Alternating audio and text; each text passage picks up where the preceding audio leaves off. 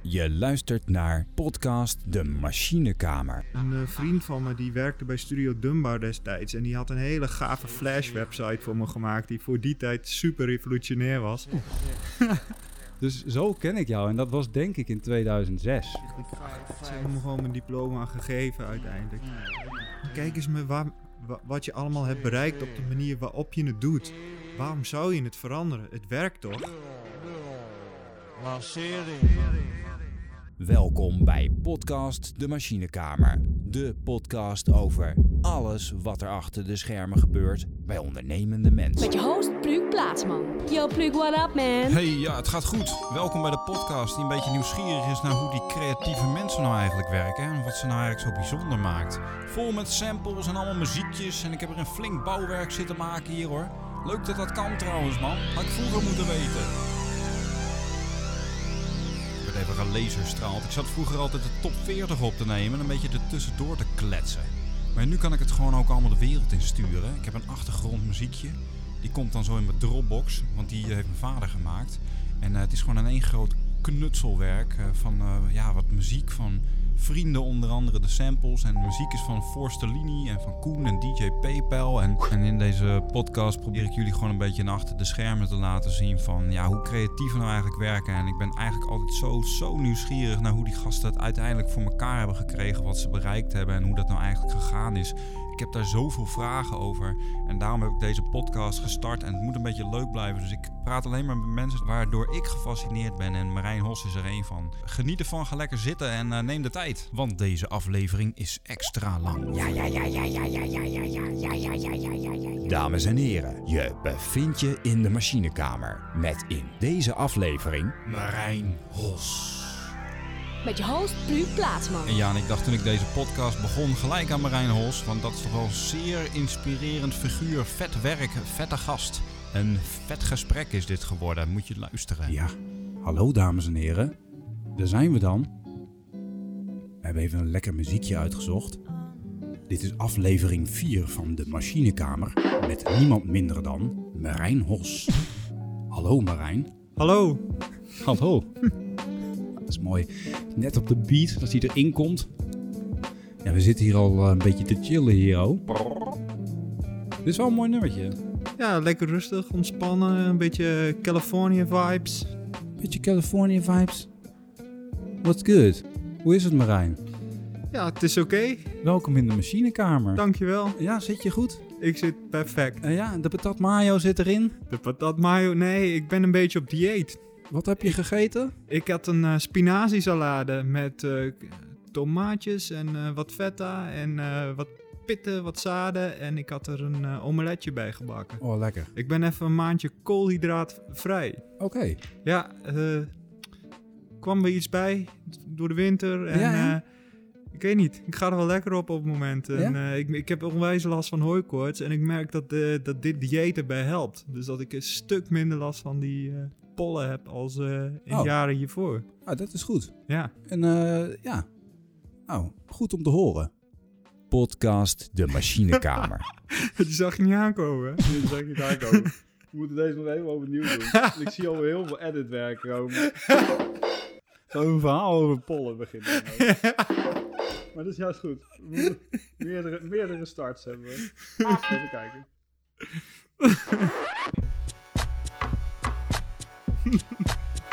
Hallo, dames en heren.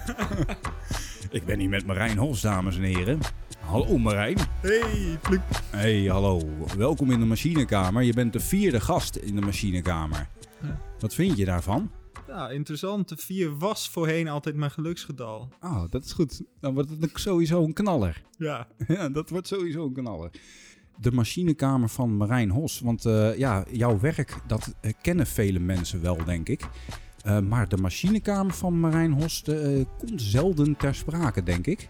ja. Ik heb wel trouwens over de machinekamer wel een interview gelezen, gisteren nog, in de Fontanel. Daar Mhm. heb ik ooit een keer eh, iets over getwitterd, volgens mij. Omdat ik dat een fantastisch interview vond met Marijn Hos. Dus, dames en heren, mocht u dat interview niet kennen, drukt u even op pauze. Gaat u even naar Fontanel en drukt u even op het interview met Marijn Hos. Want dat is een heel vet interview, vond ik heel leuk. En als je dat interview dan leest, dan kan je daarna weer de machinekamer eh, luisteren voor wat aanvulling. Dus dat is misschien een goede... Wanneer was dat interview eigenlijk? Ik denk een jaar of drieënhalf, vier geleden, zoiets al. Dat was wel een mooi interview. Ja, dat was een heel mooi interview eh, ge- gedaan door Willem. Eh, weet je wat ik trouwens een mooie anekdote vind? Ehm, eh, hoe, ik, hoe ik eigenlijk jou ken. Ik ken jou eigenlijk, dat moeten we misschien even vertellen. Mhm. Eigenlijk ken ik jou niet. Eh, en heb ik jou eh, één keer gesproken in de kersenboomgaard. En toen dacht ik, de volgende keer als ik deze man spreek, zet ik een microfoon eh, voor zijn neus. Ja. Want we hadden toen een heel leuk gesprek over het leven gewoon. Echt vanuit het niets. En, en er was ook een, iets, een vaag verhaal dat er een vrouw was die al een keer had gezegd... dat jij en ik een keer met elkaar moesten gaan praten. Ah. Dus die mevrouw, die zit sowieso nu te luisteren. Shout-out naar die mevrouw. Ah, wie was die mevrouw? Ja, dat weet ik niet meer. Dus misschien kent u als, u, als u mij kent en Marijn kent... en u dit, dit verhaal komt u bekend voor... kunt u eventjes contact opnemen met de machinekamer. Dan mag u zelf ook een keer in de machinekamer komen. Ehm, eh, ik, ik, ik had eh, een mooi verhaal hoe ik, eh, hoe ik dus Marijn Hos ken. En niet Marijn Hos, de persoon, maar meer het werk. En eh, dat, eh, dat was, dan, dan wordt dat een soort, eh, ja, hoe je dan iemand kent, wordt, wordt een soort filmpje in je hoofd. Ik, ik liep dus vroeger een keer in de Vroom en Dreesman. En toen liep ik daar dus wel met zo'n zo- zo'n muziekje op de achtergrond. En toen liep ik daar zo tegen zo'n schap aan met mijn beetje, ja, beetje slaperige hoofd. Eh, 2006, een beetje in de war. En toen zag ik daar allemaal items met allemaal poppetjes erop getekend. En op een of andere manier wist ik dat dat van Marijn Hos was. En toen kwam er dus op dat moment zo'n stemmetje in mijn hoofd. En die zei dus van... Ja, dat is van Marijn Hos. en vanaf toen is dat stemmetje met dat videootje wat ik toen in mijn hoofd heb gemaakt... is dan... Ja, als ik jouw werk zie, dan denk ik aan dat moment dat ik in de Vroom en Dreesman liep. En dat ik dus in mijn hoofd hoorde... Ja, dat is van Marijn Hos. Dus zo ken ik jou. En dat was denk ik in 2006. Had Ja. ik dat, eh, ja, ergens was dat in 2006. Want ik, volgens mij was ik nog niet op de kunstacademie begonnen. Mhm. En eh, het leuke aan, aan, aan dat jij daar dus op die producten stond met je werk... vond ik eigenlijk dat ik niet snapte hoe, dat, eh, hoe jij dat voor elkaar had gekregen. En ik had nooit verwacht dat ik daar dus dan iets van 15 jaar later een podcast over zou maken. Want eh, hoe een tekening op een eh, item in de Vroom en Dreesman komt, dat is toch wel voor vele illustratoren die nu aan het luisteren zijn echt een hele grote vraag. Ja. En- ik kan er wel, ik kan er al wel antwoord op geven, Ja, maar het waren... Was het, was het toeval of zo? Was het, wat was het? Ja, was het jouw soort van, ja, was het jouw, eh, jouw mentor? Was het jouw inzicht? Was het jouw, geen idee? Nou, ik vind, ik kan me niet eens meer goed herinneren hoe dat tot stand is gekomen. Ik denk gewoon een e-mail. Was dat was trouwens je eerste soort van eh, eh, coming out? Eh, nee, niet echt. Ik, toen ik op de kunstacademie zat, toen was ik al zo met die characters, die poppetjes bezig. En op een of andere manier was, die, was die dingen ook op straat aan het plakken op posters en dingen. En toen, ja, ik weet niet, er kwam interesse uit Azië. En, ze kwamen daarin allemaal designboekjes en dingen en magazines ook in Japan. En... ehm, En dat gebeurde gewoon? ja, dat gebeurde gewoon. Het, eh, een eh, vriend van me die werkte bij Studio Dunbar destijds. En die had een hele gave Flash-website voor me gemaakt. Die voor die tijd super revolutionair was. Ja. Dus die site in combinatie met dat werk kwam eh, in eerste instantie op allemaal design portals en dingen die al lang niet meer bestaan. Vet. Maar die toen wel echt dan ja, belangrijke websites waren. En ja, zodoende kwam dat weer, werk over de hele wereld. En, dus en, dat was eh, eigenlijk door een samenwerking. ja, een soort van samenwerking, maar dit, dit was gewoon een combi-deal van die twee. Wat vet.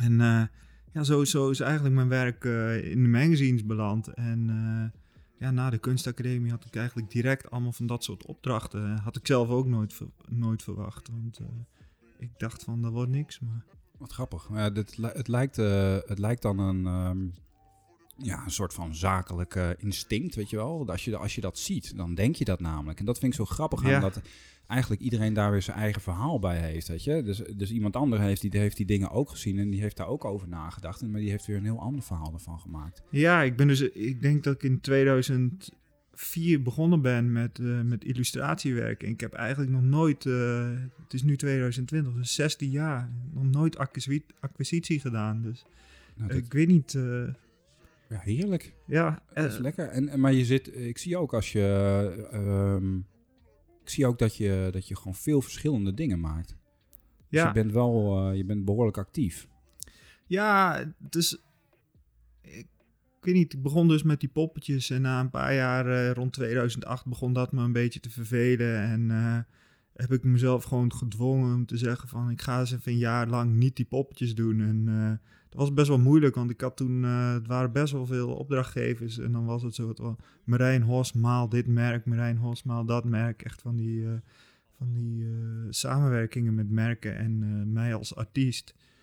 En ik was daar gewoon helemaal klaar mee. En, want ik dacht van, ja, als ik hiermee doorga, dan blijf, blijft voor de rest van de mijn leven blijven die poppetjes aan me kleven. En ik ben er zelf eigenlijk al wel klaar mee. Ik dacht van, ik, ik wil dat niet. En eh, ik, weet, ik weet dat ik gewoon meer kan of wil en dingen wil doen die me uitdagen. Dus toen heb ik gewoon heel radicaal gezegd van, ik ga dit niet meer doen. En eh, ben ik een jaar lang abstract en weer meer analoog werk gaan maken. Dus gewoon collage dingen en weet ik wat. En heb ik mezelf eigenlijk opnieuw uitgevonden. Oké. En eh, daarmee eh, zeg je eigenlijk ook dat, dat, dat, motiv dat geld jou eigenlijk niet motiveert. Want ehm, ja, je kreeg veel jij kreeg geld aangeboden om die klussen te Hmm. doen voor die poppen, maar je zei die af. Dus daar maak ik op dat geld niet eh, hetgeen is wat jou motiveert. Nee, op dat moment niet echt. Ik had niet zo heel veel nodig en ik had eigenlijk best al wel wat gespaard. En ik wist dat ik het gewoon een jaar kon uitzingen. Dus en misschien wel langer. Dus dan, ik was er niet zo bang voor. En na een paar maanden met die abstracte collage dingen aan de gang gegaan te zijn, kwamen daar alweer opdrachten uit. Eh, ik had toen op dat moment net ook een agent in eh, New York. En eh, die gingen dat werk ook al pushen. En die stonden daar ook heel erg achter, achter die beslissing. En die, nou ik weet niet, ging al dingen voor modebladen en zo doen. En ja, dus dat ging vrij organisch. Het is wel een soort van mooie springschans die je eigenlijk onbewust voor jezelf hebt gebouwd. Ja, Want eigenlijk zou je zo'n springschans ook gewoon kunnen opzetten. Eigenlijk. Ik denk dat heel veel mensen dat misschien ook proberen tegenwoordig. Maar eigenlijk, ja, ik weet niet. Soms is het ook wel zo mooi dat het gewoon, dat het gewoon zo eh, komt. Weet je wel? Dat het een beetje. eh, ja ik weet. Ik, ik geloof heel erg in dat als, je, als dingen organisch gebeuren, dat ze dan veel beter uitpakken. Op het moment dat je heel geforceerd met iets aan de gang gaat, dan eh, met een gedachte of een idee, dan... eh, ja, ik weet niet. Dan kom je snel vast te zitten of dan wil je te graag. En dan ja, doe je eigenlijk dingen die je, ja, die je, niet, die je niet genoeg voelt of zo. Nee, snap ik. Nee, eh, maar dat is ook wel, eh, wel natuurlijk zo als, je, als geld je motivatie is. Dan doe je ook allemaal dingen die je totaal niet voelt. Maar weet je dat niet, want geld, dat is niet belangrijk, want geld is je motivatie. Ja, maar dan is het alsnog een bewuste keus. De meeste mensen werken toch ook gewoon omdat ze geld moeten verdienen. Die zou, liever niet werken, dus. Maar eh, ja, voor sommige mensen is geld hu- hun, hun- de reden dat ze uit hun bed komen. Ja, Weet je wel, dat, maar volgens mij voor jou niet. Nee. Nee, gewoon avontuurlijk leven. Gewoon een interessant leven voor jezelf creëren. en Waar, waarin je eigenlijk nooit verveelt. En weet je wel, als je gewoon, ik wil gewoon als ik 80 ben, dat ik denk van, ik heb altijd de dingen gedaan die ik leuk vond om te doen. En ik, ik heb me niet laten drijven door geld of Ja. eh, verwachtingen of... Nee, maar het is wel grappig, want we, want we nemen het eigenlijk voor lief. Jij neemt het zo, eh, voor lief dat je, dat je gewoon de drive hebt om te tekenen, weet je wel. Om eh, dus uit je bed te komen en eh, om te gaan tekenen en om dingen te maken, te creëren en zo. En dat je in een soort van proces zit, weet je wel, waarin je steeds allemaal ontwikkelingen doormaakt. Maar er zijn natuurlijk een hoop mensen die, die daarna op zoek zijn. Ja, dat is misschien wel eh, interessant om zo'n verhaal van jou te horen, weet je. Van ja, hoe, eh, hoe voelt dat voor jou? Ja, hoe voelt dat eh, om in een soort van flow te zitten, weet je? Ja, dat je dus hongerig bent om bijvoorbeeld een bepaalde ontdekking te gaan, ja, weet ik veel, te gaan uitpluizen of zo. Hoe zit dat? Hoe zit dat bij jou? Ja, Ja, want vind je, het, vind je dat vanzelfsprekend dat je gewoon, ehm, ja, gewoon drive hebt en in een flow zit en zo? Of... Nee, ik vind, dat, ik vind het niet van, vanzelfsprekend. Want er zijn bij mij ook echt wel momenten dat ik, dat ik soms twee, drie maanden lang gewoon... eh, dat er niet zoveel nieuws uitkomt.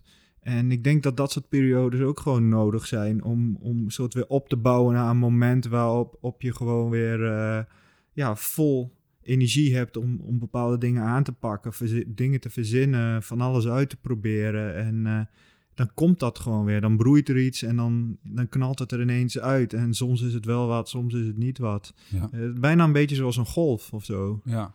Nee, wel grappig om te horen dat dat zo is. Want dat weten wij natuurlijk ook niet. Want wij zien alleen maar gewoon bang, bang, bang allemaal werk en zo. Ja, En wij weten eigenlijk helemaal niet, eh, we zien die flow niet. Dat is ook eigenlijk wel raar. Dat je, als, Ja. je, als je ontwerpers of zo, of wat dan ook, jouw helden, kunstenaars op Instagram of waar dan ook volgt, Hm. dat jij dus eigenlijk niet, niet ziet hoe het eigenlijk met die gast is, weet je. Je ziet alleen maar bang, bang, bang en dan, je weet er eigenlijk niks over. Hoe, Ja. voelt zo'n gast zich- nou eigenlijk, weet je? Ja, ik zit soms ook wel eens een week lang helemaal vast dat er gewoon echt, dat zelfs mijn standaard dingen niet lukken. Gewoon de dingen, weet je, die lukken dan wel, die kunnen dan wel, maar dan zit daar gewoon echt het gevoel niet in. En ik zelf zie dat gewoon heel erg. En dan, Ja. ik, ik weet dan gewoon dat ik op andere momenten gewoon acht keer zo hard of snel werk als anderen. Mhm. Dus dat dat soort momenten er echt mogen zijn en dat ik die gewoon uit moet zitten. Maar ben je dan ook echt eh, naarstig op zoek naar, naar hoe je daar uitkomt? Ja, vroeger wel, maar tegenwoordig weet ik wel dat het,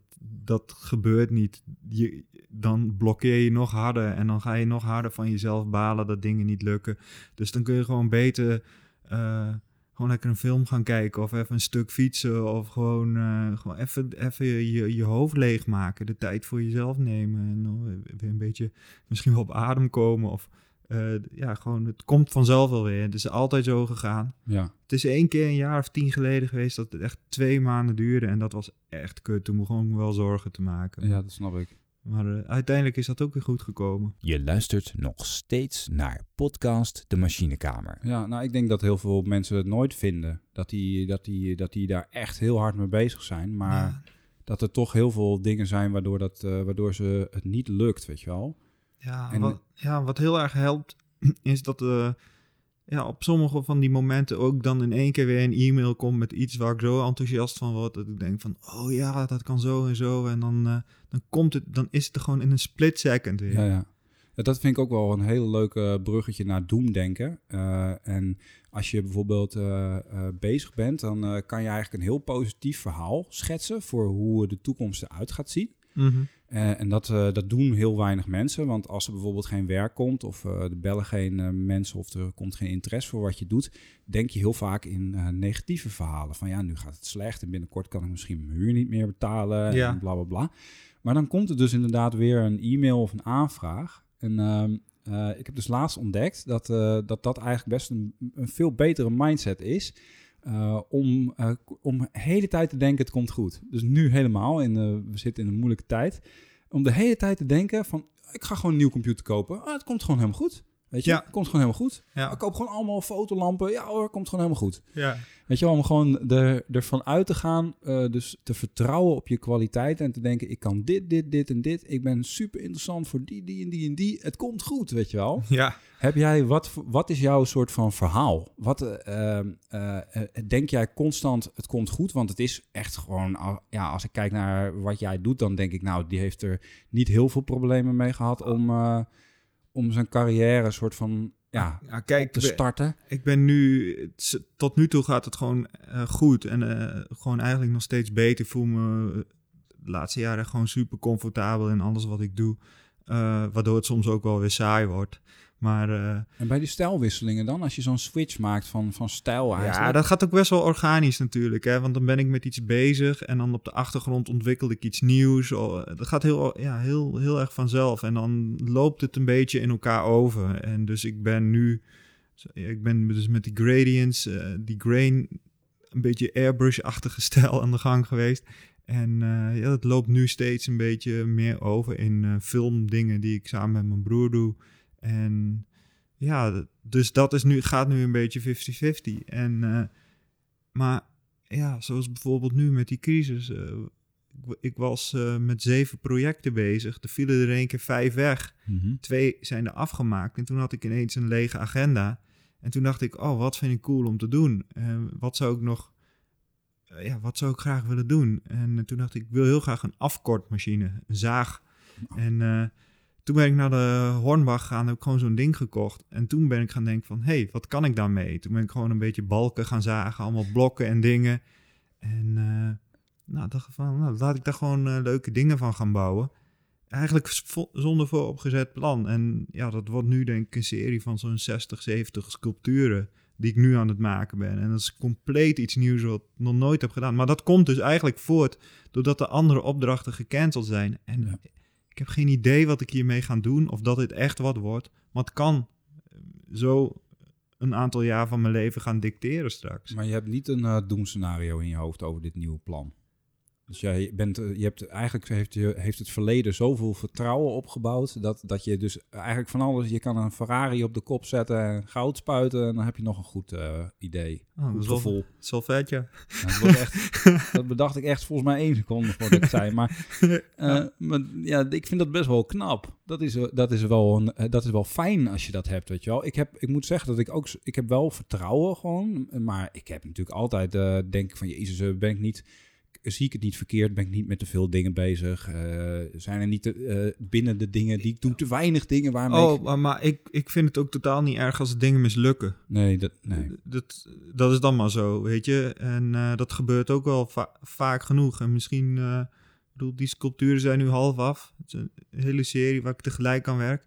Misschien worden ze wel hartstikke kut en dan, ja, na, ja pech. Ja. Ja, dan komt er wel wat anders. Dat, daar ben ik wel van overtuigd. Ehm, en nog even over die, stel die, die verschillende stijlen. Hè. Stel dat, Ja. gaat zo, dat gaat zo helemaal door en zo. Ehm, en, eh, de- en, en- alles daaromheen eigenlijk. Jou, jou als persoon en eh, jou als eh, professional en wat je allemaal Mhm. doet en welke kant het op gaat. Ik vroeg me af eh, of jij dat, eh, heb je dat, bedenk je dat van tevoren en zet je eh, een strategisch pad uit en ga je naar een bepaald doel toe? En bedenk je je van, ik wil later in zo'n auto rijden, ik wil zoveel vrije tijd hebben, ik wil, eh, weet je wel, zo, dat je echt je leven ontwerpt heel bewust? Of heb je meer dat je gewoon eh, met, het, ja, met het dagleven niet misschien, maar dat je gewoon met de, met, met de periode leeft? Of, Nou, ik leef de, di- de dingen die ik doe, eh, die doe ik allemaal op gevoel. Of, eh, ik denk, of ik doe de dingen eerst op gevoel, dan denk ik over na. Dat wil, niet, dat wil wel zeggen dat ik altijd mijn afspraken nakom en professioneel ben in alles. Maar ja, ik- ja, het gaat gewoon heel erg op gevoel. En het gevoel is bijna het concept of zo. En je, je hebt niet de, het, eh, eh, een soort plaatje in je hoofd van Marijn Hos eh, schrijft later boeken en dan woont hij op de Amsterdamse grachten in een heel groot huis. En heb je niet dat soort fantasie over jezelf? Nee, ik zou, als ik gewoon kan blijven doen wat ik nu doe, dan zou ik gewoon denken, qua werk in ieder geval heel gelukkig leven leiden. En ja, het lijkt me wel vet om een keer gewoon een huisje te hebben. Eh, ergens eh, wat meer, als ik ietsje ouder ben, wat meer in the middle of nowhere. En eh, gewoon met een, met een hond en eh, lekker het bos inlopen en eh, Vet. dat soort dingen, weet je wel. Ja, zet hem aan. Oké. Nou, ik, ik, ik ben er gewoon echt heel erg achter gekomen bij mezelf. Van, want het, het speelde een jaar of drie geleden, denk ik, dat ik zat te denken van... Ik ben nu 38. Ja, de manier waarop ik de dingen nu doe is niet echt professioneel. Zo zag ik het zelf. Dus toen dacht ik van ja, misschien moet ik eh, toch eens gaan nadenken over het opzetten van een studio. eh, of eh, ja, andere dingen die allemaal veel, veel meer volwassenere bedrijven doen. Die met de klanten en opdrachtgevers werken waar ik mee werk. En nou, toen, ik weet niet, ik, ik raakte gewoon vast in die gedachten. En, ehm, maar toen, na een jaar zo, ik weet niet, het voelde alsof het allemaal minder ging ook. En toen na een jaar dacht ik van, maar kijk eens me waar, wat je allemaal hebt bereikt op de manier waarop je het doet. Waarom zou je het veranderen? Het werkt toch? Ik, ik was even buiten mezelf getreden om naar mezelf te kijken wat ik eigenlijk aan het doen was. En dacht, "Ga- dat is gewoon zoveel en dat is toch gewoon echt helemaal oké. En Ja. dat, daar hoeft toch helemaal niks in te veranderen. En toen dacht ik zo van, ik moet het gewoon mijn hele leven lang zo doen. In mijn eentje, op deze manier, daar word ik gewoon gelukkig van. Ja. Ja, grappig. Hè? Soms kun je inderdaad van die plannen hebben en dan kom je erachter dat dat helemaal niet jou is, weet je wel. Dat Ja. jij dan, dat jouw persoon daar helemaal niet bij past. Maar dat kan je natuurlijk alleen maar begrijpen volgens mij als je jezelf een beetje kent. Ja, want het komt ook omdat ik werk in mijn eentje. Ik ben, ik, ik, er is niemand die op mij reflecteert. Of, of weet je wel, met wie, je aan de, met wie je spart van hoe staan we er nou in samen met ons bedrijf of weet ik wat. Je bent het zelf en je hebt een soort beeld op een bepaalde manier, maar anderen zien dat gewoon heel anders. En Ja. weet je wel, ik, ik heb gewoon heel vaak het gevoel van ik klooi maar wat aan. Maar zou het kunnen helpen bijvoorbeeld als jij eh, eh, meer met, met, met anderen reflecteert of... eh, Nou, of- dat, dat is waarom ik, het zo fijn, waarom ik het zo fijn vind om lezingen te geven. Is dat als je dan daarna, of ook gewoon tijden, ziet dat gewoon een he- hele zaal mensen geïnteresseerd naar een verhaal van je aan het luisteren bent. En daarna ook naar je toe komt en zegt: hey, wat vet, wat een toffe dingen doe je allemaal. En dan weet je gewoon dat het mensen zijn uit het vak, of die, die gewoon mensen die het waarderen, die gewoon het werk als ontwerper waarderen, Ja. die dan naar jou toe komen met die positieve feedback. En dat, Ja. is, dat is gewoon heel leuk om dan te merken. En, Ja. eh, ja. Ja, dus eigenlijk als je die mensen ontmoet tijdens, tijdens die lezing en zo, dan is dat eigenlijk de bevestiging dat je de, de manier hoe jij je bedrijf voert, dat dat oké is. precies. Ja, Aha, dat is het. ja.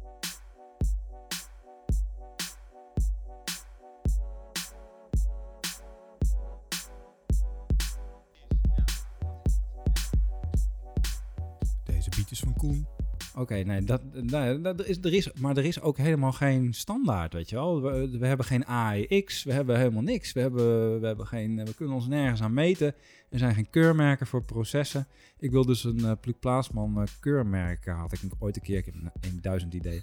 maar de, de Pluk Plaatsman keurmerk, dus dat, dat, dat bedrijven kunnen zien dat jij bijvoorbeeld je processen begrijpt. En dat is, daar zijn die keurmerken dus voor in die andere velden. Dat kan je niet geloven dat het bij ons zou bestaan. Zo van, deze ontwerpstudio snapt wat hij aan het doen is. Hij krijgt een keurmerk. Het Ja. Pluk Plaatsman proceskeurmerk. Ja, Over twintig jaar bestaat dat. Als, als ik niet de eerste ben, gaat niemand het doen. ja. Dus nou, ik denk dat ik dat moet doen. Maar eh, zo heb je ook helemaal geen, geen, geen waardering voor, voor je bedrijf. Of gaat het goed of slecht. Eh, weet je, net zoals bijvoorbeeld... eh, ik zeg in, de, in, de, in, de introductie van deze podcast... dat het, dat het gaat over succesvolle creatieven. Maar met succesvol bedoel ik helemaal niet rijk, maar meer gelukkig. Ja, Dus meer soort van mensen die lekker bezig zijn en dat zelf ook gewoon aan het voelen zijn. Weet je, ik ga hier helemaal geen mensen uitnodigen die heel veel geld eh, verdienen. Maar eh, gewoon, ja, mensen die gewoon ja, succesvol zijn. Gewoon. Dus hun machinekamer succesvol is, weet je wel. En daar zijn, dat zijn ook die beslissingen van waar ga ik heen, wat ga ik doen, weet je wel. Ja. Dat vind ik ook machinekamerbeslissing. En, ik, en het is zo grappig dat, dat, dat, dat iedereen dat op een andere manier overweegt. Weet je wel? Jij zegt, vertelt dan het verhaal over die lezingen, dat mensen naar je toe komen en dat je dan de bevestiging krijgt. Maar de- er zijn natuurlijk, ja, bij mij is het totaal anders. Mhm. Ik zou eigenlijk even niet weten hoe, maar eh, weet je, dat, eh, dat, ja, dat je op een of andere manier inderdaad moet inschatten van ben ik op de goede weg. Ja, dit is één van de, één van de dingen natuurlijk. Hè. Het is niet, eh, bedoel, ik heb het nu al, ja, ik heb volgens mij al een jaar lang geen lezing meer gegeven. oh, Maar dat is ook omdat ik er even geen zin in heb. Dus Oké. Je luistert nog steeds naar podcast De Machinekamer. En dit is uw host, Pluk Plaatsman. Oké, en eh, nou, eh, nou eh, Marijn, eh, daar zijn we nog steeds. mhm. We waren wel even weg voor de pauze, hè? Ja. Show, wat duurde die lang, hè? ja, even naar de wc geweest. Zo, niet ja. normaal. Hey, eh, ik vroeg me af, eh, stel dat Jan nou wakker wordt 's ochtends hè, met die enorme drive. En eh, je gaat naar, naar je studio. Ja, Ehm, eh, hoe, wat, hoe, hoe werk je dan? Je vertelde net op laptops, maar werk je, hoe, hoe, hoe, schets je? eh, eh, Ja. hoe, hoe werk je? Ja, ik schets bijna niet. Ik, ik ben meer iemand die over een idee gaat nadenken. En dat het soms gewoon, eh, dat ik er anderhalve dag over nadenk. En dan komt het gewoon in één keer uit. Want als ik, het gekke is, als ik schetsen maak en ik ga dan die schetsen namaken, dan verdwijnt de hele spontaniteit uit het werk. En ik merk gewoon dat het werk gewoon minder wordt. Dus ik, eh, ik kan wel eens gewoon als schetsen bij een opdrachtgever drie compleet affe concepten neerleggen. Of Ja. ideeën. En dan schrikken ze en dan denken ze, oeh, geen schets. Is dit het al? Is dit het eindding al? Maar dan zeg ik ook heel duidelijk erbij van, dit zijn de schetsen. Ze Mhm. zijn wel af, maar het zijn ook de schetsen. Maar hoe, hoe heb je dat ontdekt? Is Ja, nogal een dat, vreemde manier van eh, werken. Dat is eigenlijk jouw, dus jouw onderzoeksfase speelt zich af in je hoofd. ja, het speelt zich af in mijn hoofd. Nou, dat komt, ja, ik, ik bedoel, ik weet, ik kan gewoon heel goed visualiseren hoe het eruit gaat zien. Dus ik, ik vorm die ideeën al in mijn hoofd, gewoon hoe de vormen moeten worden, het idee. En ehm, als ik het dan gewoon maak, dan wordt het gewoon goed. En, maar als ik eerst eindeloos ga zitten schetsen, keywords opschrijven en dingen, dat, dat werkt, gewoon niet zo voor mij. En ja, de, de dingen die ik de laatste jaren maak, dat is ook gewoon best wel abstract, abstracte materie. Dus dat leent zich ook gewoon heel erg goed om eh, gewoon direct te gaan maken. En er zijn dan ook alle details gewoon die je dan uiteindelijk uitwerkt, of die, die ontstaan tijdens de uitwerking. Ja, die ontstaan ook wel tijdens de uitwerking, ja. Ik heb eigenlijk vrijwel altijd een soort van dezelfde kleurpaletten waarmee ik werk. En eh, dus dat is vaak ook al wel redelijk duidelijk. En kleur is ook iets waar, waar ik veel om gevraagd word. Dus dat zit altijd wel goed. Oké. Dat, is, dat, dat, dat is wel echt eh, eh, een hele grappige methode. Ja, maar het is echt heel, heel bizar. En hoe lang doe je dat al? Nou echt al jaren. Maar wa- wat ik wel gewoon veel doe, ik maak wel heel veel lijntekeningen altijd. Gewoon, ja, gewoon elke dag. Dat ik gewoon bezig ben met tekenen. Gewoon een soort van handoefeningen, dingen. En dus dat vorm ook gewoon wel. Ik ben constant met vorm bezig. En eh, het staat dan gewoon los van een opdracht die ik maak. En die veranderingen in je stijl, zijn dat, eh, komt dat eh, vanuit ehm, eigenlijk dat je een onderwerp of een methodiek of een, een of andere uitwerkingsmethode dan leeg hebt gezogen en dat je dat echt allemaal, dat het op is? Of is het, eh, is het eigenlijk dat je wel verder kan gaan, maar dat je te verveeld bent? Eh, ja, te verveeld, ja. Ja, ik kan, je kan iets eindeloos uitmelken, maar ik denk als je dat blijft doen, dat het dan op een gegeven moment, dan lo- loop je op een gegeven moment ook gewoon achter de muziek aan. Dan eh, ben je met iets bezig waar je hart niet meer bij ligt. En dus dan ja, schakel ik gewoon over op, ja, En, ik weet niet, het gaat heel automatisch. Ja, maar ik ben gewoon zelf op een gegeven moment, dan raakt de drive weg. En ik vind dat dat, ja, als iets saai begint te worden, of eigenlijk misschien wel als er iets op werk begint te lijken, ja. dan weet je gewoon van ik moet, ik moet eigenlijk iets anders gaan doen. Ja. Wat ik ook een beetje eh, heb, is dat ik heel veel verschillende onderdelen heb van, eh, van, eigenlijk, van mijn ondernemingje. En, eh, in, eh, en eigenlijk bij elkaar het één grote speeltuin. Dus jij eh, gaat video's maken met je broer, weet je wel. En je gaat een bepaalde tekening maken, maar je doet ook houtblokken zagen en zo. En eigenlijk creëer je dan een soort van speeltuin waar je je nooit verveelt. Want als jij klaar bent met die illustratiestijl, dan kan je in principe, heb je alweer wat nieuws ontwikkeld waar je mee verder kan, weet je wel. Dus Ja. zo hop je dan door dat speeltuintje heen de hele tijd. Ja, het is ook gewoon wel een fijne gedachte dat ik met al die verschillende dingen mijn geld zou kunnen verdienen. Als ik het ene meer aanzet, dan kan ik daar weer vol mee aan de gang en dat Ja. doorontwikkelen.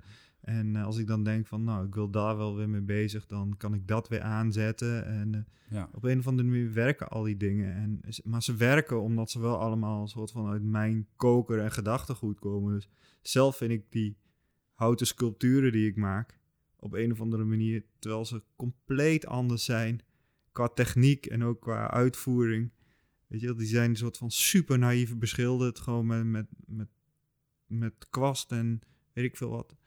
Eh, ik vind die een link hebben met die veel slikkere airbrush dingen. Dat, en ja, ik weet niet. Ik vind het ook grappig dat andere mensen dat ook zien. En dat had ik nooit verwacht. Maar ja, het zijn toch twee compleet verschillende dingen. Heel leuk. Het is ook wel grappig dat je dan eh, eigenlijk ook dat, dat dat heel erg onderzoek is wat je daar doet dan. Dat dat eigenlijk gewoon, je, maar dat, dat je ook niet beperkt, eh, jezelf beperkt in de, de methodes. eh, dat je alleen maar zegt, ik ga alleen maar eh, op mijn computer werken bijvoorbeeld. Dat dat eigenlijk gewoon een beetje je onderzoeksafdeling is, gewoon dat soort dingen doen. Ja, En eh, ja, die, ja, nou, dat doe je misschien ook wel in die illustraties, maar dan is die, dat hout maken is dan een beetje een soort van groffere manier van onderzoeken of ja zo. dat is bijna ook een soort van vormonderzoek.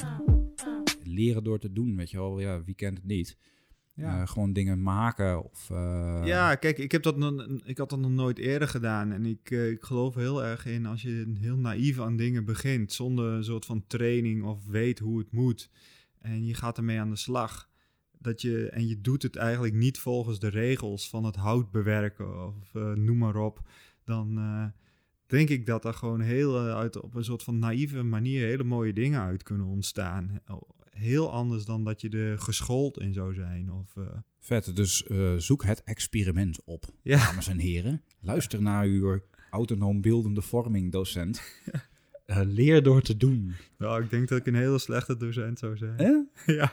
Nou, ik, ik denk dat eh, ja, leren door te doen is eh, wel een van de belangrijkste dingen die ik heb geleerd ook. Ja. En eh, ik ook merk dat ik dat, dat ook, we hadden het eerder over motivatie en dat soort dingen. Als ik gewoon begin te doen en ik ga gewoon dingen kijken, ik ga gewoon bezig, ik ga, ja. ik ga weer in mijn verhaal. Want dat is ook een van mijn grootste fascinaties is, hoe kom je als je bijvoorbeeld je hoofd uit hebt gezet weer in je verhaal? En hoe bijvoorbeeld eh, heel, heel, heel eh, goed voorbeeld is als je op vakantie bent geweest, heb je hey, je werk als het goed is helemaal vergeten. Dat kan ik niet heel goed, maar Mhm. en dan kom je terug en dan moet je dus weer gaan werken. En dan kan je dus helemaal een soort van, eh, in een soort van blokmodus komen, omdat je dan helemaal niet meer erin komt. Ja. Maar door het te gaan doen of zo, weet je wel, kom je, kom je, ja, kom je er weer in. En dan geeft dat weer vertrouwen voor de volgende keer gewoon. Mhm. Dat vind ik ook, ook altijd leuk. Ja. Maar dat, dat je dus ja, tijdens dat doen ook leert, eh, dat is dan ook eh, weer onderzoek of zo. Dat is ook wel vet. Ja. Ja. Ja, maar dat is ook eigenlijk eh, de reden dat ik zo'n podcast begin, weet je wel. Want ik leer van, van, de, van de techniek, maar ik leer van jou. En ehm, eh, mensen leren van ons en wij leren van elkaar, weet ik veel, zoiets. Ja. The School of Life. Ja. De School of Life. Kijk, ja, dat, dat, dat vind ik wel mooi. Ik, ik moet zeggen, ik, was zelf echt gewoon niet zo'n goede, niet zo'n goede student. Maar ik, eh, ik heb zes jaar over die kunstacademie gedaan. En eh, ja, eigenlijk, ze hebben me gewoon mijn diploma gegeven uiteindelijk. Eh, maar ik weet niet, ik vond school gewoon niet zo interessant. Ik vond het veel interessanter om de dingen gewoon op straat met mijn vrienden en van internet en weet ik veel wat. En gewoon heel veel zelf aan eigen dingen werken en dingen zelf uitzoeken. En dat heeft altijd met alles wat ik gedaan heb beter uitgepakt. Wat goed. En ah, ik weet niet, de eerste tien jaar dat ik was afgestudeerd heb ik gezegd van ik heb helemaal niks aan school gehad. Maar dat was dus ook wel echt onzin, want eh, daarna begon ik wel te denken van oké, als ik nu een concept verzin, eh, dan kan ik heel snel bepaalde fases overslaan en dan direct, zeg maar, direct al die clichés al opzij schuiven en dan al in iets landen wat een heel goed uitgangspunt is. Dat is wel degelijk iets dat ik op de kunstacademie geleerd heb. Ja. Dan, weet je wel, als aanvulling op de dingen die ik mezelf geleerd heb. Ja. Dus eh, Nee, nee. uiteindelijk een mooie combi, denk ik. Ja, nee, daarna gebeurt het pas, hè. Dan, eh, Mhm. dan eh, ga je pas echt leren. Maar ja, dan, dan, ja, dat is... Ik weet niet, ik denk dat het bij mij ook tijdens was en daarvoor al. Ja, bedoel, ik denk, ik denk heel erg dat eh, als ik op mijn eh, elfde niet was gaan skateboarden, dat het gewoon allemaal heel anders was gegaan. Ik bedoel, ik denk dat, ik de- dat dat het moment is geweest dat ik ben begonnen met zeg maar, mijn creatieve brein aan te zetten. Door ja. gewoon gekke, eh, gekke plekken te, op te zoeken en dingen te verzinnen. Ik bedoel, ik, ik woonde in Hengelo en daar viel echt niks te skateboarden. Dan moest je de dingen zelf maken. En ja, ik weet niet, dat eh, gewoon met die vrienden, die, die, zeg maar, die vrijheid, dat, eh, ik denk dat daar alles mee begonnen is. Ja, het, is, het kan ook wel een eh, mooie ja, soort van situatie zijn waarin je creatief wordt, weet je. Want eh, ja, dat, dat is ook soms zo dat je, ja, dat, dat soort situaties jou heel veel ideeën kunnen geven of ja, een soort van positief gevoel of zo. Ja, ik denk dat dat zelfs gewoon, dat ik dat helemaal terug kan brengen naar de basis van wat ik nu doe. Dat er gewoon geen, bijna geen verschil zit tussen vrije tijd en werk. Dat ik gewoon altijd bezig ben. Dat zat eigenlijk al in dat skateboarden. Het was een soort van, en met je vrienden gewoon een goede tijd hebben. En ondertussen eh, aan het sporten tussen aanhalingstekens. Ja. En dat is gewoon, dat is wat ik nu ook bijna een soort van in mijn werk doe. Althans, een soort vanzelfde gevoel. Dat gevoel van vrijheid. En gewoon dat het... Ik zou het bijna geen werk willen noemen. When a good thing goes bad, it's not the end of the world, it's just the end of a world. DJ PayPal. het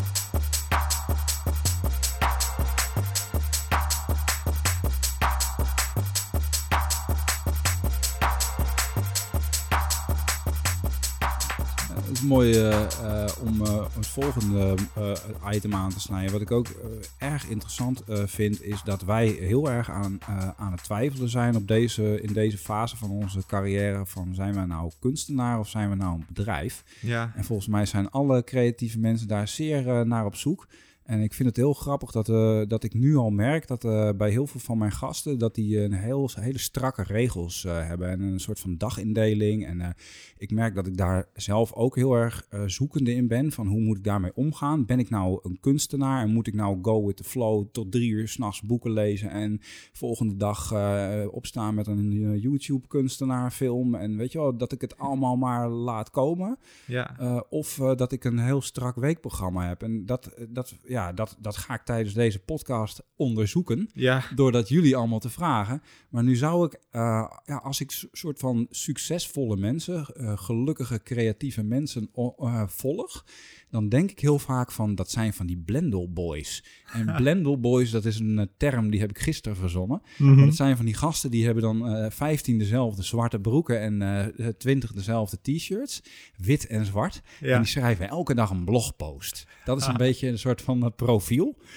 Maar ik vraag me dus af van hoeveel van een Blendel Boy zit er in jou? Want ik, er, zit, er zitten heel veel uh, mensen, de gasten die ik... Nou, er zijn er maar drie geweest. Maar uh, de, ik vond Guido vond ik wel redelijk... Uh, ja, hoe noem je dat? rigide of gestructureerd. en met van die, met van die regels. Ja. Um, als ik jouw werk en jouw carrière bekijk, denk ik dat jij dat ook hebt. Maar wat is daar de waarheid van? Uh, ik heb in ieder geval een hele kleurrijke garderobe. Ja? Ja. Dus je denkt wel, dus je denkt wel na. Ze zeggen dus van je moet niet nadenken over de keuzes van je kleren, weet je wel. Je ja. moet alleen maar op je Nee, dat denk dus niet goed over na, want ik heb al van, uit allerlei collecties heb ik dan alleen maar de zeg maar de de key stukken, dus de kleurrijke stukken die niet met elkaar combineren, maar wel aan zich allemaal fantastisch zijn. Maar uh, uh, ik weet niet, dus ik koop gewoon op vorm. Ja. Dus ik denk daar niet over na. Nee. Maar, maar, maar anyway. Um, die, die, die structuur. Ik die... heb geen structuur. Nee? Ik werk altijd. Als ik iets moet doen, dan doe ik het. En ja. het kan om half twaalf uh, s avonds zijn. En het kan om vier uur s'nachts zijn. Uh, ja. ik, al, ik kan om zes uur s ochtends uit mijn bed springen. En dan in mijn boxershort en t-shirt de studio induiken. En gewoon tot elf uur lang aan het knallen zijn. En dan even een paar uurtjes sporten. Het, eigenlijk is elke dag anders. En dat werkt tot nu toe perfect. Ik bedoel, ik zou niet weten hoe het zou zijn als ik een gezin zou hebben of krijgen, hoe, hoe, hoe, hoe ik dit dan op deze manier zou moeten doen. Ja. Maar ik weet niet, het werkt perfect en ik haal alle deadlines. Ik ben heel echt super uh, tight met e-mails beantwoorden. Uh, stelregel is alles de hele tijd zo snel mogelijk uit de weg. Mm -hmm. uh, de keerzijde daarvan is dat je wel constant aan het jagen bent. Ja. Maar het voordeel daarvan is, is dat je weer bergen werk verzet. Als je dat gewoon constant volhoudt en het blijft leuk. Ja, ja. Ja, dat is wel een beetje het, uh, het verhaal van je laten leiden door de dag. Of de, jij uh, leidt de dag, weet je wel. Dat vind ik ja. nog steeds wel, ook voor jou misschien maar, wel... Uh... Ik weet niet, man. Ik, ik, ik voel me daar best wel goed bij. En ik, ik bedoel, ik ben ook echt iemand die op vakantie wel gewoon zijn e-mails zit te checken. En zit te beantwoorden. Gewoon het geeft mij rust om ja. te weten dat als ik straks terugkom, er niet 50 e-mails in mijn inbox zitten die urgent zijn. Ja. Uh, dan pak ik liever 's ochtends even dat uurtje om dat even te doen, of wanneer dan ook. Of, uh, ja. ja. En we vinden het toch, stiekem vinden we toch heerlijk gewoon, hè? Dit gewoon alles. En uh, ja, dat werken, weet je wel. Dat we zijn eigenlijk een beetje verslaafd, zijn wij gewoon. Uh, ik vind ja. het ook, ik heb thuis ook zo'n laptopje en die doe ik dan open. En dan zit ik in bedrijf met allemaal die tekstbestandjes en, en ideetjes en dingen. Ja. En, uh, ja, dat voelt wel fijn. Ja, maar ben, werk jij dan gestructureerd in bepaalde uren of ook de hele tijd, altijd? Nou, ik ben dus, uh, ik ben dus heel erg zoekende naar, naar een soort van regels en structuur met planningen en uh, van die weekindelingen. Mm -hmm. uh, alleen ik merk dat, dat ik dat gewoon, ik hou het niet vol en dat heeft ja, verschillende redenen. maar ik vind het heel fijn als er een planning en een weekplanning en een structuur is, omdat ik daar altijd op kan terugvallen.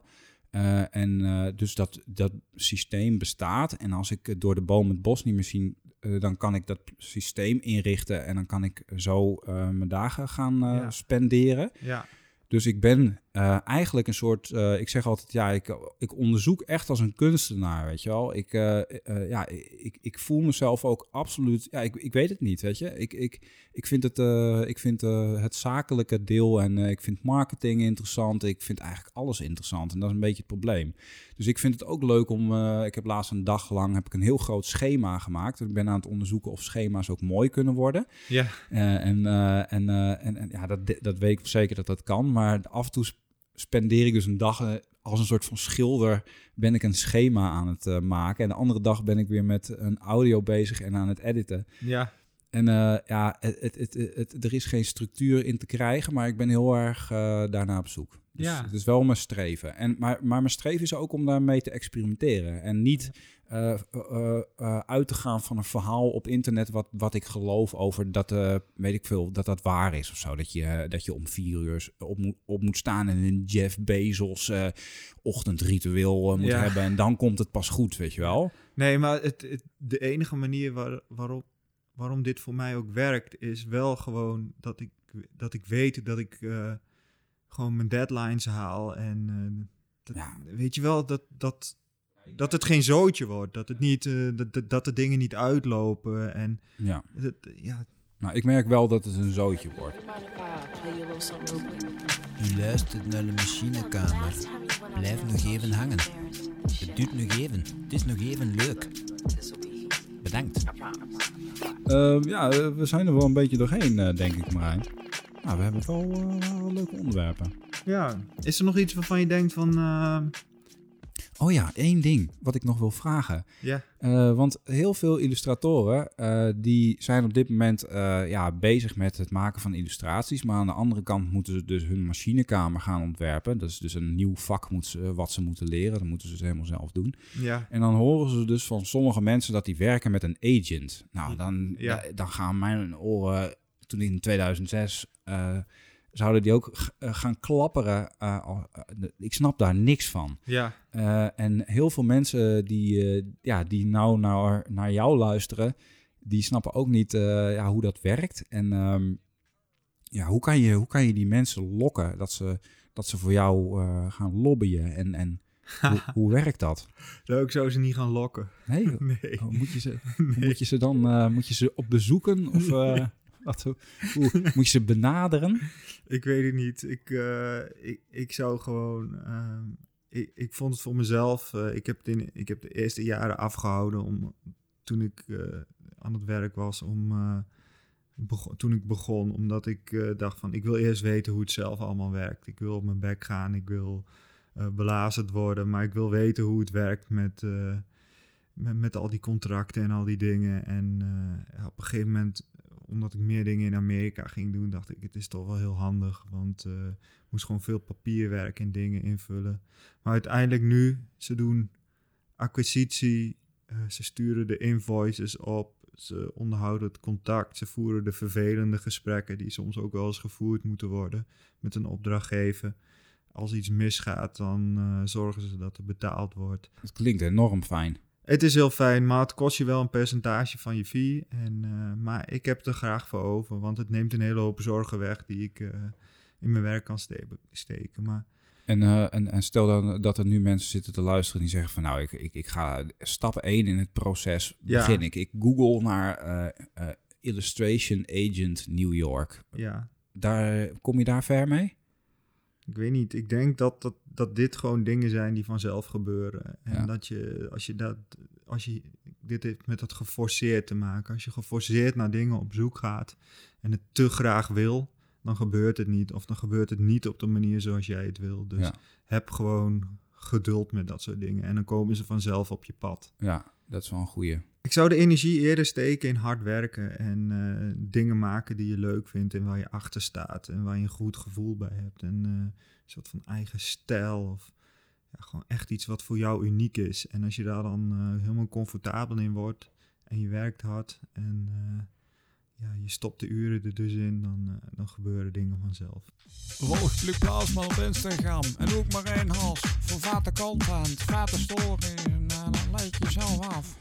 Ik zou me, als ik zou beginnen als illustrator of ontwerper, zou ik me niet blind staren, moet ik eigenlijk zeggen, op, eh, op een agent. Ik bedoel, je, je kan het misschien een beetje grof vergelijken met een muzikant. Die zit ook niet direct bij een, eh, bij een platenlabel. Mhm. Of eh, weet je wel, dus dat, daar kun je ook heel bewust een keuze in nemen als muzikant. Van ga ik nu bij dit relatief onbekende platenlabel? Of Mhm. wacht ik nog een tijdje, word ik beter en ga ik dan bij een grote platenlabel, waardoor, waardoor ik daarna een groter bereik heb. Ja. Ik denk je dat, dat je dat als illustrator ook zo een beetje kunt zien. Dus eigenlijk is het misschien zelfs wel strategisch beter om langer te wachten, jezelf te ontwikkelen en uiteindelijk eh, bij een betere of grotere, nee, moet eigenlijk zeggen, interessantere agent Ja. te landen. Ja, ik vind het wel heel, eh, ik vind het wel heel wat dat mensen dus eh, ergens afstuderen. Misschien op een academie ergens in de regio, weet je wel, waar Mhm. ze echt eh, nou, waar ze maar een beetje aan het schilderen zijn.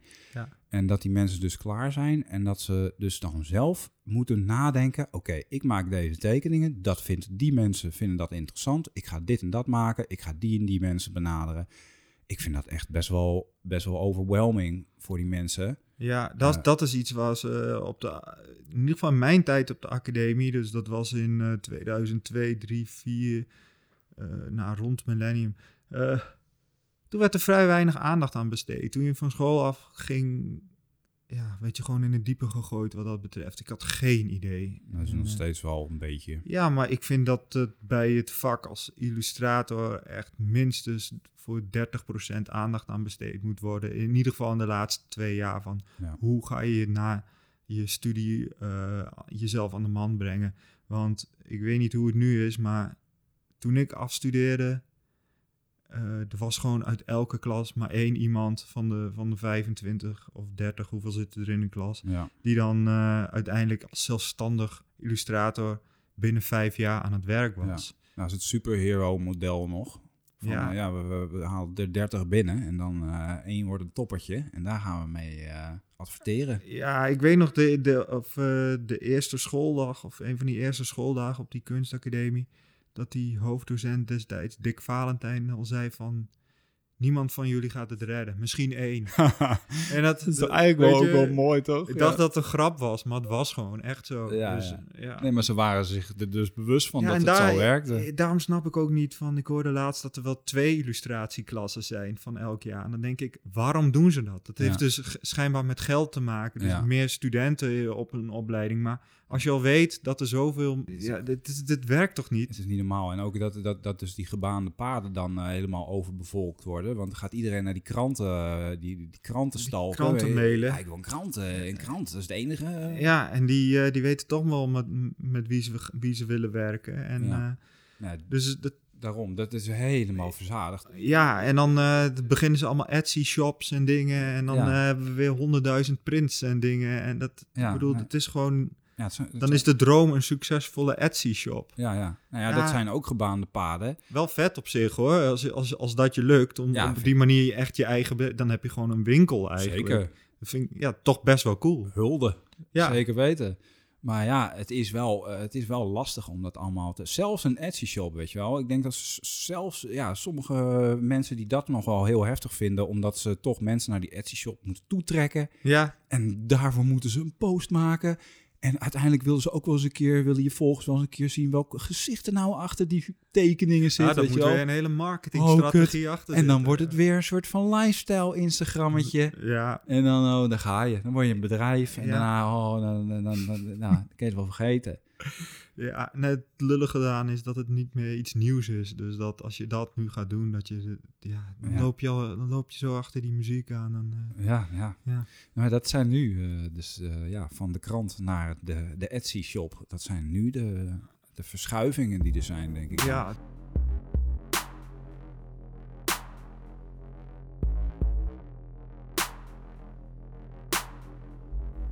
RP dames en heren. R-P-B-O-O. Yeah.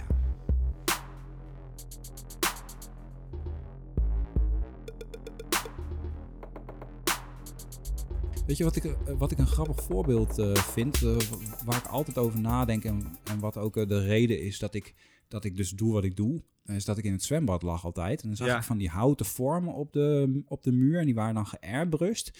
En het was fucking lelijk. En eh, dan was ik, lag ik dus in het zwembad en dan dacht ik dus van ja, hoe is dat hier gekomen? Nou, dat is dus door iemand gekomen die het pad van, eh, van tekening naar het zwembad kent. En niet die die tekening goed kan maken. Ja. Toen dacht ik dus van als die studenten of die illustratoren dus leren hoe ze hun tekeningen bij het zwembad krijgen, dan hangt dus, dus hoe de wereld eruit ziet, is een soort van jullie eigen schuld, weet je? Eh, dat, er, dat er een lelijk hek voor een nieuwbouwhuis staat, eh, betekent dat er niet eh goede industrieel ontwerpers een fucking vette hekken hebben opgestuurd, denk ik altijd. Ja. En ja, dat, dat, daarom hangen die lelijke poppen in dat zwembad, weet je? Dus leer hoe je je, je tekening of zo, waar die gaat landen. Toch? Dat je als jij snapt van, hé, hey, ik teken leuke kikkers, dan kunnen die toch ook gewoon ja, in samenwerking met een of andere eh, sculpturenmaker, kunnen die in het zwembad belanden. Ja, het is grappig, eh, want dit is echt inderdaad dat zakelijk inzicht. Maar Dat, is dit eh, zakelijk? Dit is toch ik gewoon denk dat creatief je, zijn? Ja, ik denk van iets ma heel veel mensen kunnen inderdaad iets maken en dan kun je, kun je maar de vervolgstap is dan creatief na te denken over van met wie zou dit kunnen uitvoeren. Ja. Maar daar zit dus ook een stukje zakelijk bij van of soort van in stappen denken van hoe kan ik hier geld mee verdienen? Want dat ga je dan doen. En ja, dat, dat leer je niet op een kunstacademie. En dat, dat- ja, ik wel, zie eh, dat toch als soort van. Er zit een soort van business gedachte achter. Die, Ja. ja, die moet je hebben. En ik heb die ook totaal niet hoor. Nee. Ik, eh, Het is dan gewoon een beetje vreemd dat, dat, dat, dat als je er zo naar de wereld kijkt, dan denk je van ja, er, kan, er, er kunnen veel meer mensen eh, ja, hun tekeningen of wat dan ook, hun ontwerpen in de wereld laten zien. Maar ja, ik denk dat in de meeste gevallen zeg maar het dan toch andersom is. Hè? Dat dan een andere partij dan een kunstenaar benadert om met ze samen te werken. ja, Terwijl de kunstenaar eigenlijk een veel cooler idee kan hebben naar die ondernemer toe. Nou, één stukje uit een MBO-les, dat is gewoon een soort van basic, eh, is dat ik altijd zeg, je kan het ook omdraaien. ja, Een ondernemer doet onderzoek in zijn eigen bedrijf. Hij ziet een fout en hij gaat jou vragen om een flyer te maken om die fout op te lossen bijvoorbeeld. Ja. Maar jij kan ook die fout zien van hé, hey, als jij langs het zonnecentrum komt, staat daar een bord, maar dat snapt niemand, weet je, dat communiceert niet. Loopt er naar binnen en zegt van hé hey, meneer, eh, dat bord moet anders. Weet je wel, dan doe jij toch het onderzoek, weet je wel, dus dan draai je het gewoon om. ja, Dus dan pitch jij gewoon eigenlijk oplossingen overal en nergens. Weet je wel? Van je zegt, ja, eh, de kaaswinkel heeft een leuke Instagram-feed, maar het mist echt dit en dat, weet je wel? ja, Hier is dat. Ja, dus als jij, eh, als jij het leuk vindt om platenhoezen te maken, ga dan gewoon platenhoezen maken voor vrienden of weet ik veel wat. eh, maakt het uit. Ja, maar besef wel inderdaad dat je er bij vrienden niet heel veel voor krijgt. Nee, maar ik denk, wat maakt het nou uit, man? Als je niks doet, krijg je ook niks. Dat is waar. Ja, En waar moet je dan eh, van rondkomen als je die uh, platenhoezen maakt? weet ik veel. Van iets anders? Van iets anders, niet Van dat. anders. Nee, maar Bankdirecteuren ik bedoel, die, die dingen die worden dan wel weer gezien en eh, gepost en weet ik veel wat. En Ja. dat kan een soort van springplank zijn, Ja, toch? dat is waar. Dat kan. Dat is ook nog een hele strategie, wat je wel en niet doet. Ah, ik denk dat het wel. Ik zou het wel doen voor mensen die je vertrouwt, die je tof, echt tof vindt. En niet voor mensen die jou een poot proberen uit te draaien. Sowieso. Maar ik denk dat heel veel van dat soort oefenprojecten waar je mee begint na je, na je opleiding of zo, weet je, nog steeds. eh, mensen die je lief vindt, help je altijd, weet je. Tuurlijk. Toch? Dat, eh, Ja. dat is ook mijn eh, uitgangspunt in het leven. Ja, en het is ook helemaal niet erg om wel op je bek te gaan en om wel een keer uitgezoogd te worden. Ik bedoel, dat, dat zijn de dingen waarvan je leert. Want als dat niet gebeurt, dan weet je ook niet wat het is. En dan, Nee, weet klopt. je, ik bedoel, het mag best wel een beetje hard gaan. Het mag keihard gaan. Het gaat hier ook keihard in de machinekamer, dames en heren. Alhoewel het hier behoorlijk stil aan het worden is, want het is al in de late uurtjes. Ik zit hier nog steeds met Marijn. Oeh. We moeten maar eens naar huis, eh, Marijn. Ja, Eh, morgen moet er weer gewerkt worden. ja We moeten- We morgen- moeten er weer fris eh, en fris in ons eh, zwarte broek en witte t-shirt. En dan moet morgen sowieso weer een blogpost ge- geschreven worden. Hè? Die moeten weer uitgaan. Elke dag. Ja, Ik krijg het dus niet voor elkaar. ik dacht dus van ik ga maandelijks een blogpost maken. Of twee, dat had ik zelfs, had ik zelfs bedacht. Maar het is een hele bevalling, zo'n blog- blogpost. ja, Ehm, maar ik vind het wel heel leuk. ja. Ik kan hem helemaal een beetje in Squarespace, helemaal een beetje opdirken. aan, Maak allemaal plaatjes erbij en zo, een heel verhaal. Ik de hele dag mee bezig. Ja. Niemand leest het. dus als je dit luistert, Check. ga even naar mijn website. Ga even naar blog. Lees daar even blog. Focus Boy Fantasy. Gaat over focus. Misschien wat voor jou, Marijn. Ja, focus is wel iets eh, Ah, joh. dat ik kan gebruiken. Ongoing. Ook die, eh, dat boek. Dat boek... eh, focus aan, focus uit. Focus aan, focus uit.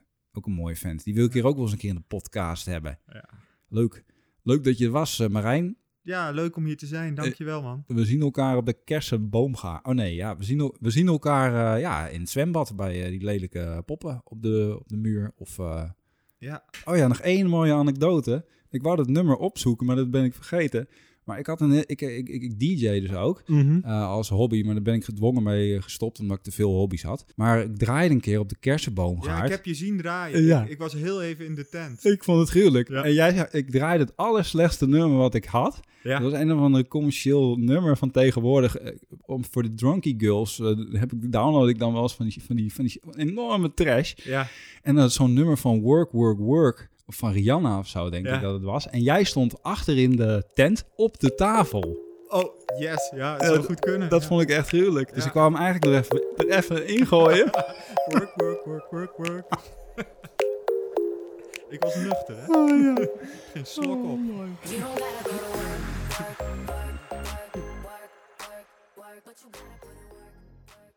Bedankt voor het luisteren naar podcast De Machinekamer. beetje achter de schermen over podcast De Machinekamer.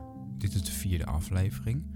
Ehm, ik ben Pluk en ik edit en ik maak de hele machinekamer. Dat doet behoorlijk pijn, want ik heb namelijk maar één arm. En ik moet eigenlijk niet zoveel achter de computer zitten. Maar dat doe ik wel, want ik ben natuurlijk een vet eigenwijze vent. En ik ben een dikke mierenneuker, dus ik vind het geweldig om deze podcast tot in detail te editen.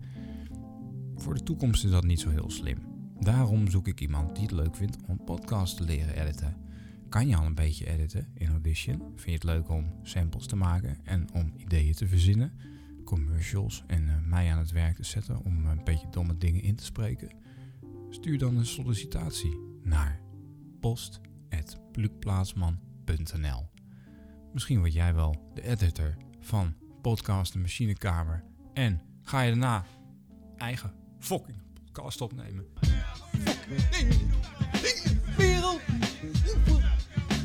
Working ain't shit if your job is something that you gotta do when you don't have fun. Have fun. Ja, dames en heren, dat was de fun, machinekamer weer, hè? Zit je nou te balen op je werk? Steek een dikke middelvinger op naar je baas. En eh, zet je eigen bedrijf op. Ga naar plukplaatsman.nl. Daar eh, kan je kijken hoe je dat eh, middelvingertje gestalte gaat geven. Dus heb je natuurlijk niet echt een middelvingertje waarmee je gewoon iets ja, kan aanrichten, weet je.